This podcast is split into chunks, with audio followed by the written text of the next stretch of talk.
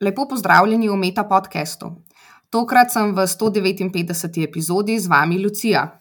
Današnji gost je pa Žan Kovačič, ki dela doktorat na Kemijskem inštitutu v Ljubljani. Živijo, Žan, kako si? Uh, živijo, pa nedeljsko, uh, pa ti? Ja, tudi nedeljsko. Ja. Za začetek, mogoče, če poveš nekaj o sebi.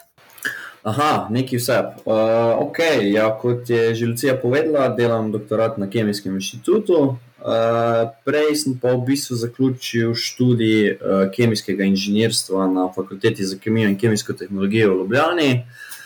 Uh, zdaj, da bi pa že kaj prej razlagal, pa pač ne vem, klasika, srednja šola, osnovna šola, to je to, ne vem. Kaj bolj specifičnega. ja, ok. Um, kako pa, da si se odločil v bistvu za ta študij? Uh, za študij zgolj sem se odločil. Um, pa rečemo tako, iskreno povedano, je oče imel kar veliko vpliv na mene. Uh, je, je študiral tudi kemijo. In potem je pač kot klasika, naši starši, začel govoriti, da ti moraš nekaj študirati, kjer boš lahko nekaj zaslužil. Um, tako da mislim, da je navijal za farmacijo, uh, ampak ker pač nisem bil najbolj pridn v srednji šoli, oziroma sem bil, kot bi me učitelji označili, bolj lene sorte. Uh, sem se potem prijavil na kemijsko inženirstvo, ker pač ni bilo tako visokih omejitev. tako da, ker je zanimivo. No. ja, no, ok, ampak praviš, nisi bil priden, ampak zdaj si na doktoratu. Kako to? Uh, ja, e, tudi zdaj se ne bi jih okarakteriziral kot pridnega, pa mislim, da se tudi, da tudi kakšni sodelavci ali pa tudi vsi ljudje, ki me poznajo, ne bi rekli, da sem najbolj pridn človek, ampak je pa res, da provam po liniji najmanjšega odpora določene zadeve rešiti. In to pri fiziki in matematiki se mi zdi, da kar gre. No. Ne bom zdaj trdil vse posod, ampak za moj primer se mi je zdelo, da je šlo. No. Ok, no pa da mi povej nekaj o svojem doktoratu in o svoji temi. Aha, v bistvu uh, doktorat tema. Ja, um, šel sem v bistvu na sestanek k Mateju Hušu, ki je zdaj moj mentor in mi je predstavil delo. Um, rekel je, da bo bolj teoretičen doktorat, kar mi ni najbolj ustrezalo na začetku, ker za magisterij sem delal bolj eksperimentalno delo. Uh, Potem mi je rekel, da je lahko tudi še kaj eksperimentalnega, ampak ko sem začel potem delati na Kemijskem inštitutu, sem gotovil, da je tukaj veliko dela z samo teorijo, pa z računalniki, da za eksperimente ne bo časa, in sem potem upal, da ne bo niti umenil eksperimentov. Uh, Tako da zdaj v bistvu bolj kot ne preživim cajt za računalnikom, uh, ali programiram, ali uporabljam super računalnike. Tako je v Mariboru zdaj nov Vega, mislim, da tako večina, ki se ukvarja s temi stvarmi, že vejo za njega. Uh, drugače pa se ukvarjam z drugimi stvarmi, ki pač se na računalnikih pokvarijo, kot veliko ljudi tudi ve. Uh, tako da ja, nič eksperimentov. No. Kako točno zgleda super računalnik, kako deluje, kaj na kratko. Ja, ok, super računalnik. Ni zdaj to nič drugačnega kot naš navaden računalnik, samo da je pač bolj zmogljiv, ima več jeder po navadi in pa pač je verjetno dražji noter sistem. Ne vem, kako bi točno povedal. Prva stvar tega, da so to velike infrastrukture in pa ja. Mogoče hardware, kot kar vidimo, je pač čist nekaj navadnega, tako kot naši računalniki. Uh, najbolj pomemben pol je pa tako software. Zdaj, to je dobra anekdota, je mi je dal takrat mentor, je, da super računalnik, ki ima res dobro zmogljivost, pa vse ne bo delo dobro, če pač ni software zadnjih urejal. In pač anekdota je bila v smislu, če damo uh, v Ferrari motor od Jugota, ne? lepo bo izgledal, ampak ne bo pa nikamor šlo. Tako da Ja, če bi lahko na hitro povedal, to je to. Drugač pa delo za super računalnikom je v bistvu konzole, tipkavanje samih komand, ni pa to tako, se vidi v filmih, pol, da se kar izpisuje stvari, pa se nekaj heka. To ne, ja, ja, ja. je ravno z veliko bolj dolgočasno. ja, upišeš, potem pa čakaš, da naredi. Tako včasih tudi neki dni. Da, ja. Ja. Ja. Ja. Ok, zakaj točno pa potem uporabljaš računalnik? Kaj, kaj recimo um, poskušaš doseči, odkriti? Hm. Uh, v bistvu skušam pojasniti stvari, ki jih eksperimentalisti ne vejo točno, kako potekajo, oziroma jih zanimajo določene stvari. Um, recimo, ne vem, čist tak simpel uh, primer je aktivacijske energije pri reakciji, recimo, da vodik razpade na elementarni vodik. Zdaj, če razpade, moramo vedeti, približno kakšna je aktivacijska energija, oziroma koliko energije je treba dovesti. In pač z mojim delom, ki je v bistvu teorija dostopnega funkcionala, preko kvantne mehanike, v bistvu preračunamo te aktivacijske energije in določene zadeve, ki so zelo pomembni za sam reakcijski mehanizem, pa potem aplikacijo v industriji. Recimo. Uhum. Kaj pa recimo bi bila ta aplikacija v industriji? Uh, pa mislim, skoraj vseeno. Um, recimo, večina ljudi verjetno pozna Haber-Boschov proces, se pravi izdelava amonijaka, ki recimo 2% svetovne energije letno gre za proizvodnjo, ker rabimo pač za gnojila. Uh, in že recimo, ne vem, koliko, zdaj na pamet govorim, mislim, da sto let se uporablja recimo železo v katalizator, ker pač so takrat to iz, odkrili in pač je bil dejansko zelo dober. Zdaj, kaj lahko se pa tle spremeni? V bistvu mi potem računamo lastnosti katalizatorjev in ugotavljamo, da bi mogoče imel ta katalizator boljšo aktivnost kot železo katalizator, in pa če bi potem lahko, ne vem, za 50% se izboljšal proces, pomeni, da bi ogromno energije lahko prihranili. Aha, ok. Se pravi, gre za nekakšen tukaj v tem primeru za nek prihranek energije. Um, pa tudi pri ostalih procesih, recimo, gre za prihranek energije, za kaj drugega. Tako, ne vem, imaš kakšen čist konkreten mogoče proces v mislih, ki bi bil full uporaben. Uh, ja, recimo tudi moje delo, kar je, se pravi, fotoredukcija CO2. Pač CO2, uh mhm. -huh. tako kot vemo, vsi je to pogreden plin in je pač totalno nekoristna. Ne? Uh, drug problem je pa, da je zelo inerten. In kaj to pomeni, da je zelo stabilen, zato ga pravimo razbiti na vem, monoksid, pa potem mogoče hidrogenirati do kakšnega metana ali kaj podobnega. Uh, in ja, v bistvu tle lahko več stvari uporablja se ta teorija. Zdaj, ena možnost je, da že znan katalizator uporabimo, ga zgradimo v tem programu in potem v bistvu računamo te interakcije uh, z samo površino in aktivacijske energije iz tega lahko dobimo potem kinetične modele in pa pač napovemo, uh, kaj se bo dogajalo med samo reakcijo. Druga stvar je pa, da lahko uh, napovemo nove uh, katalizatorje. Zdaj, kaj točno to pomeni, je, da izračunamo določene lastnosti, kot so band gap oziroma prepovedan pas, uh, aktivnosti in, in še kakšne termodinamske stabilnosti. Na podlagi tega lahko potem predvidevamo, ali je mogoče boljši, kot kar smo že prej ugotovili, in pa potem mogoče eksperimentalistom rečemo, hej, le.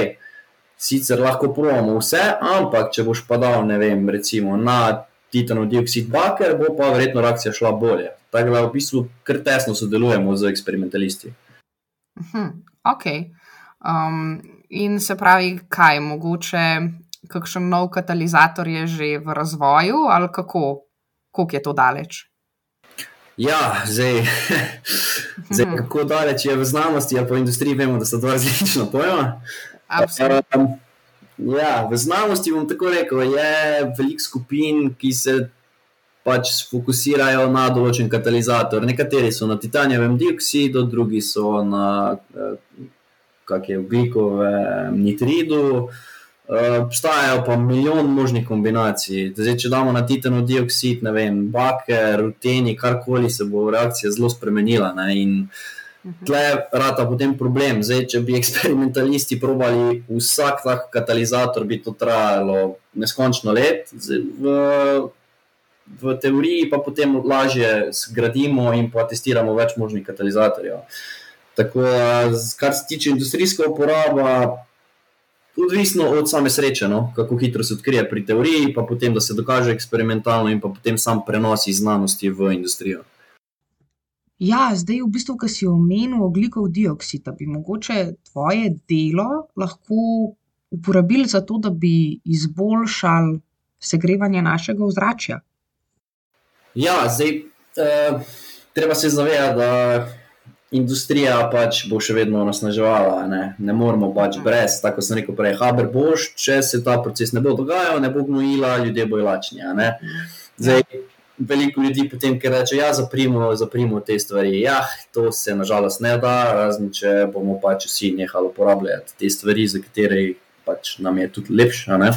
Mhm. Um, jaz mislim, da druga opcija je, ena kolegica se tudi ukvarja s tem carbon capture, recimo na samih izpušnih, eh, ne vem, teh dimnikih, recimo bi se dal neke lovilce CO2. -ja.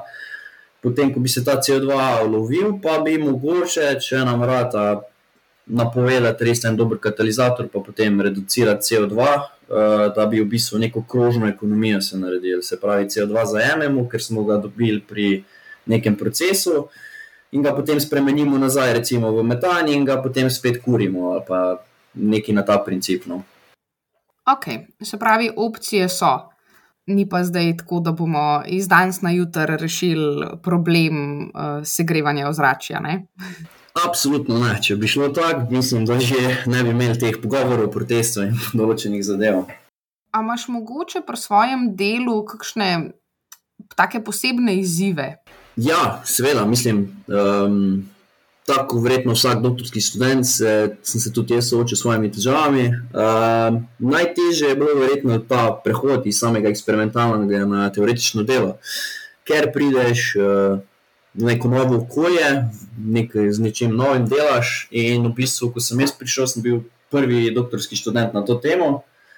Uh, hvala Bogu, sem imel res zelo, zelo, zelo, oziroma imam zelo, zelo dobrega mentorja, tako da si je vzel veliko časa za mene, mi je pomagal. Me je pa tudi klih dosti pustil, da sem se sam matril, da sem se v bistvu iz tega nekaj naučil ne? in zdaj v bistvu lažje predajam znanje tudi drugim kolegom.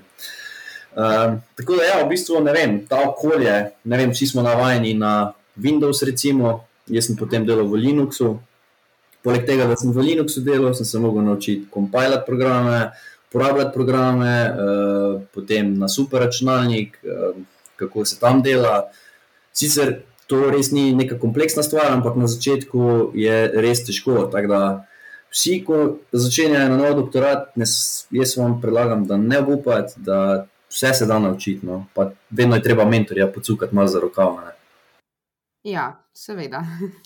Zakaj bi rekel, da je tvoje raziskovanje v bistvu pomembno? Uh, ja, v bistvu mi se ne ukvarjamo samo z tem, da bi to reakcijo okarakterizirali, ampak delamo čist nekaj novega, ker v bistvu v sam program še dodajamo te vzbojena stanja. No, v bistvu noben se še tega ni lotil, ker je zelo kompleksno, zdaj ne bom glih v podrobnosti šel. Ampak, če bi pokazali, da se dobro napove s temi vzbojenimi stanji, sama reakcija, bi potem lažje dobili katalizator, ki bi bil res dober za redukcijo. Pa ne samo ugljikovega dioksida, ampak recimo tudi za water splitting in potem vodik.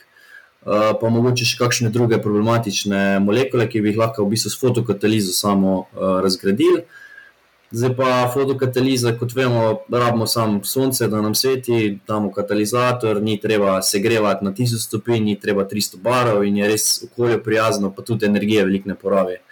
Tako da, ja, mislim, da je iz tega stališča zelo pomembno, ampak kot sem rekel, teorija, praksa je še vedno kar razkorakana. V glavnem, nekako trudiš se narediti čim bolj okolju prijazne stvari, in jaz mislim, da je to čist super. Ja, mislim, da je to kar dober povzetek vsega skupaj. Ja.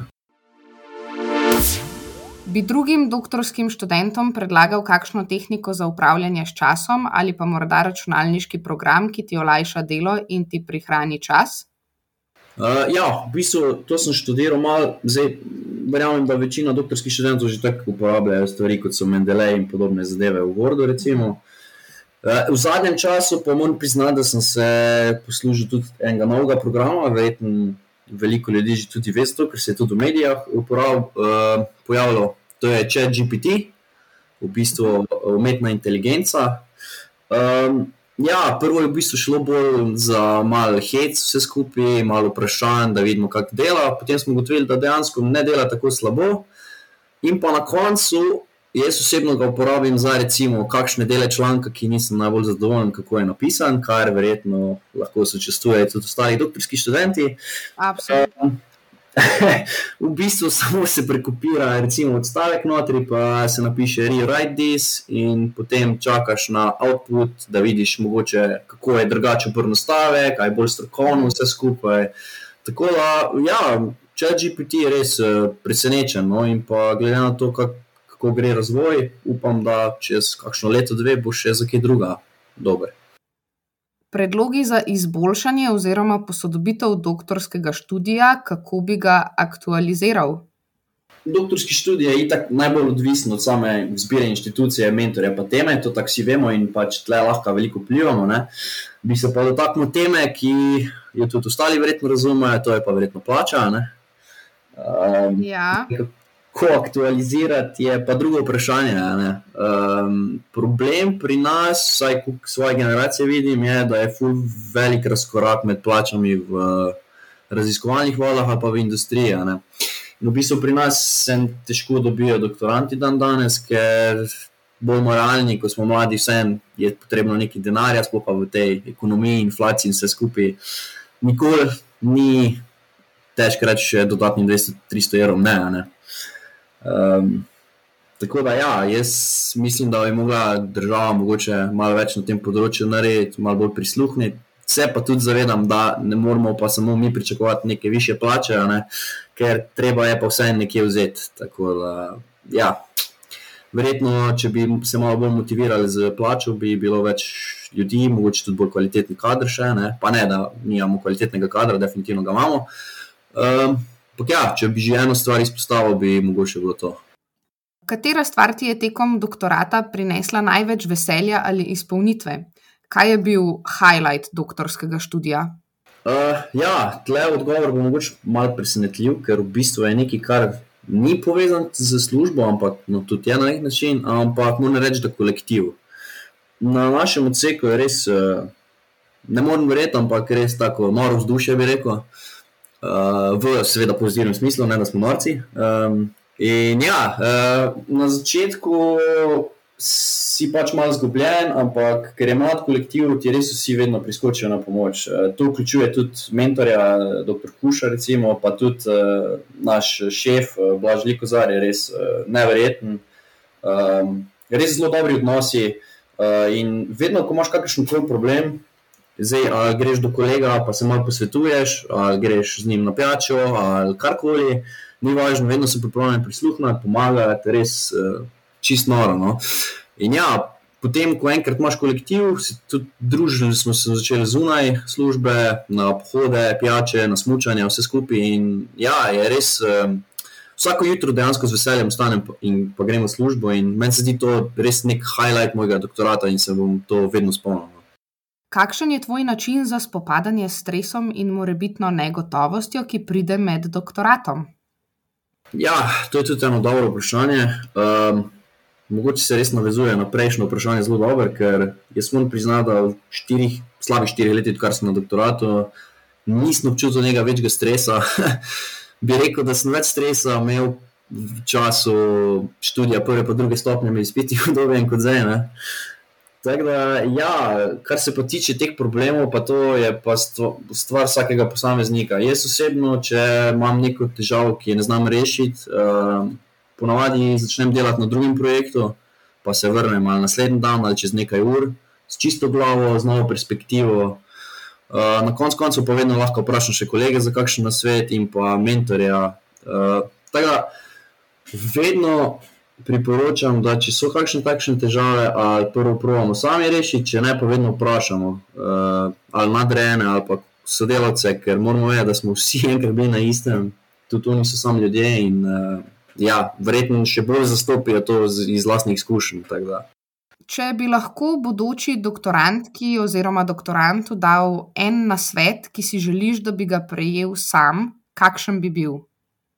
Ja, um, zdaj doktorat, ne, veliko folka se mi zdi, da potem jih neko definira ta služba. No. Jaz bi rekel, da pač naj ne definira doktorat večine življenja, naj bo pač res nek balans med doktoratom in zasebnim življenjem.